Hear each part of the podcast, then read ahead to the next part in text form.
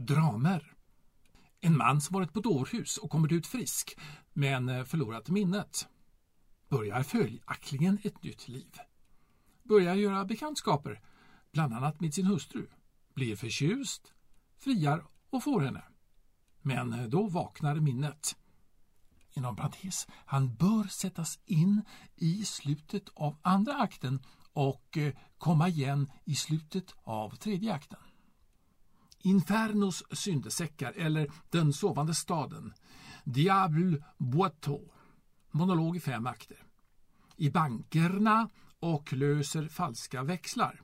I domstolen, i häktet, hos makarna, hos vännen, läser ett brev på bordet. Det ena ger det andra och scen från scen skickas man vidare genom kontakter, nya upptäckter, ibland motsägande. En man har varit gift två gånger, med usla kvinnor båda gångerna. Nu går en tredje kvinna och blir kär i honom. Hon skriver brev, som han ej besvarar. Går utanför hans fönster. Blir sjuk, etc. Sänder blommor. Kommer själv. Ett år går. Men han vill icke sälja sin husfrid och inlåter sig ej. Hon försäkrar i brev att hon som kvinna erkänner mannens överlägsenhet. Det sa de andra med. Hon försöker vilja vara hans slavinna. Det sa de andra med. Slutligen, nu i tredje scenen, går hon sorgklädd förbi hans fönster och ser alldeles fördärvad ut av sjukdomen. Knackar på dörren. Han öppnar. Hon rusar in, faller på knä och talar ut. Han, citat. Om ni kan säga något som de andra inte sagt skall ni få bli min vän. Icke mer. Hon. Ni är en man. Han. Var god och sitt ner. Inom parentes, han känner det oändliga medlidandet med en kvinna vars kärlek han ej kan besvara! Utropstecken.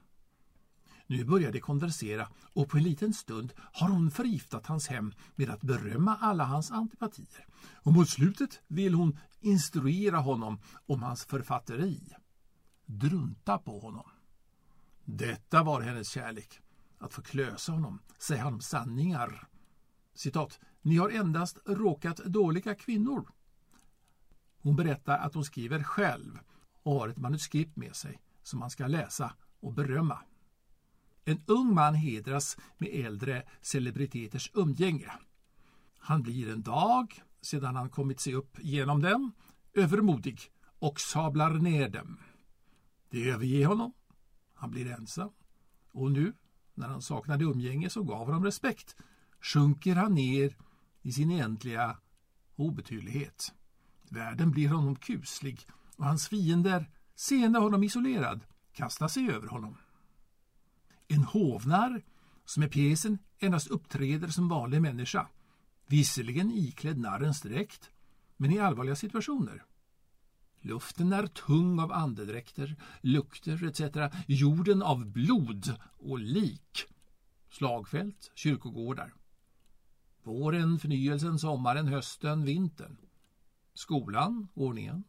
Böckerna. Avsked av dockorna. En visa som leitmotiv och en vals av pianisten. Brevlådan. Finner ett brev från en älskare. Besvarar brevet. Stämmer möte. Telefonen talar vid honom. Han kommer. Motsvarar icke hennes föreställningar. Hon gömmer sig. Apoteket. En sjuk är införd. Källaren hyser fattiga. En skräpkorg hänger på ett träd. Där i ligger en tidning som hon läser.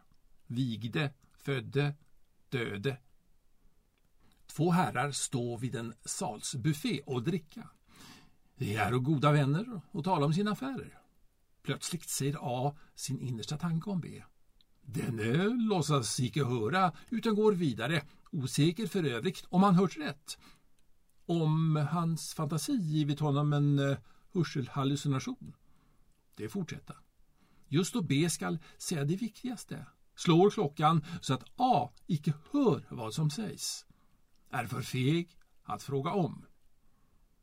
Herrn och frun sitter och talar. Det ringer. Herrn går till vänster, tar ett paket, går till taburdörren, öppnar dörren och kastar paketet i ansiktet på en herre som syns i öppna dörren.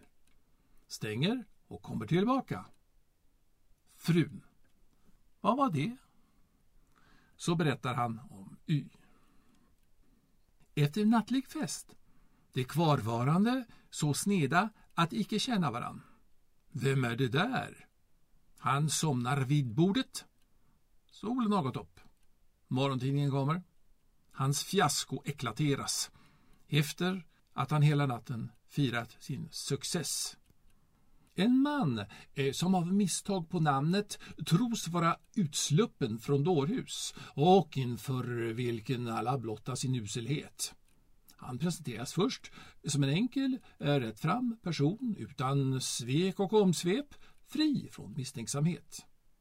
När han, efter att ha lekt med bovarna, börjar avslöja dem refererar det till hans citat misstänksamhet. Damerna blottar sin liderlighet emedan de tror han är den liderlige författaren. Inom parentes. Detta har hänt mig. Spökscen. Man ser först en människa röra en hop saker i ett rum. Sedan upprepas detta av osynliga händer. En lampa ryker, skruvas ner. Ett kol faller ur kakelugnen. En stol flyttas. Klockan slår hundra slag. Man ser ett bord.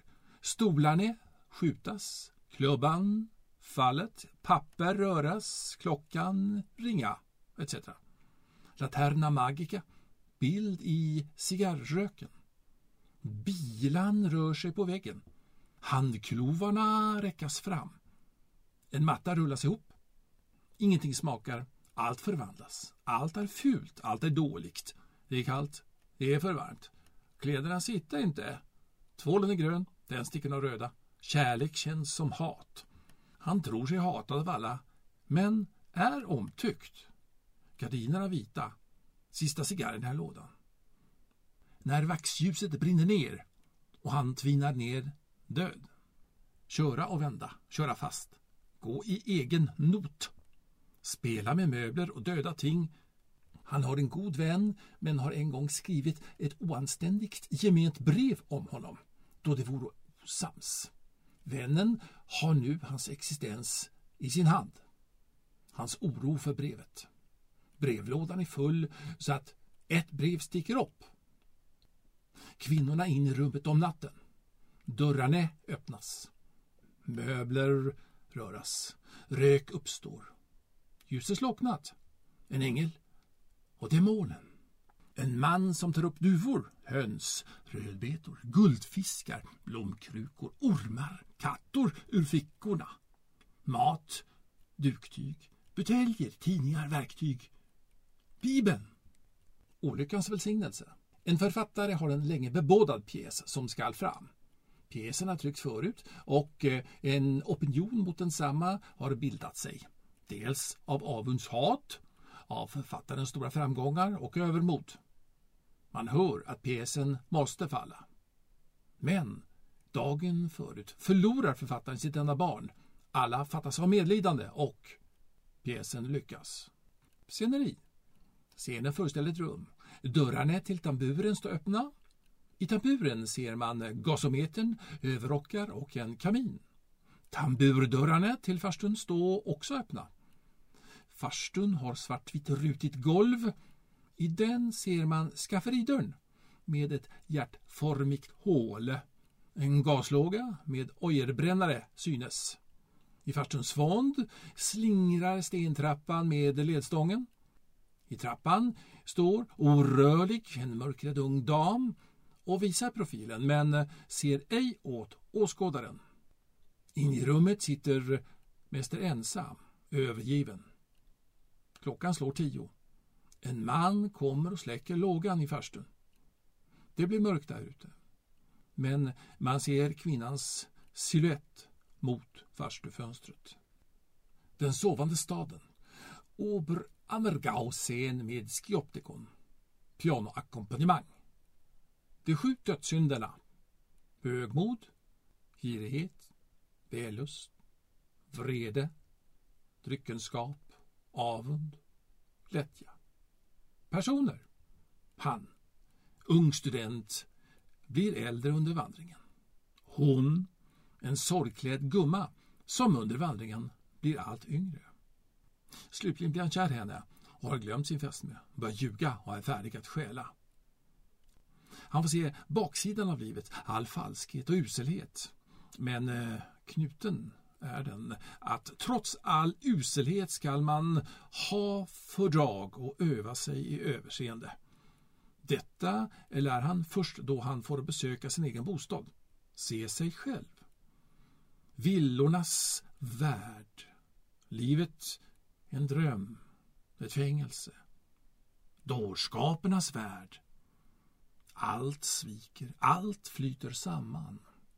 Även det sämsta har något gott. Även det bästa har något ont. Människorna är icke falska, icke hycklare, mera tanklösa än elaka. Kvalhem. Han är död, ligger på obduktionsbordet. Läkarna talar om dödssättet. Den ena läkaren börjar skära, eh, den eh, döde reser sig upp. Han har varit skendöd och eh, remniserat sitt liv men trott sig vara död. Det andra livet var så likt detta här. Han har en vän som han icke sett på länge och som han vetat vara sjuk. Som han nu tror vännen vara frisk skriver han ett brev och bjuder vännen till sig tre dagar senare. Något svar på brevet kommer icke, men på utsatt dag kommer vännen. Han ser underlig ut och eh, tyckes ha ont i ögonen. Samtal börjar. Slutligen upptäckes att han är död för 14 dagar sedan och att det är hans vålnad som kommit på inbjudningen. En levande död. En som i Dantes Inferno redan befinner sig i helvetet, men ännu vandrar på jorden. Hans ovänner spelar på aftonen för den sjuke. Alla de vackra melodier denne älskade. Ljusa dagar och mörka, det som trivas med livet. Öppnande lik lukta svavelammonium. Månen förföljer honom. Laterna Magica-bild projiceras på röken av hans cigarr. Mattan rullas ihop. Han hör sin egen röst i telefon. Rök uppstår, hans dubbelgångare. Han förlorar rösten, blir döv och blind. Livet drar förbi i bilder. Han hör sång.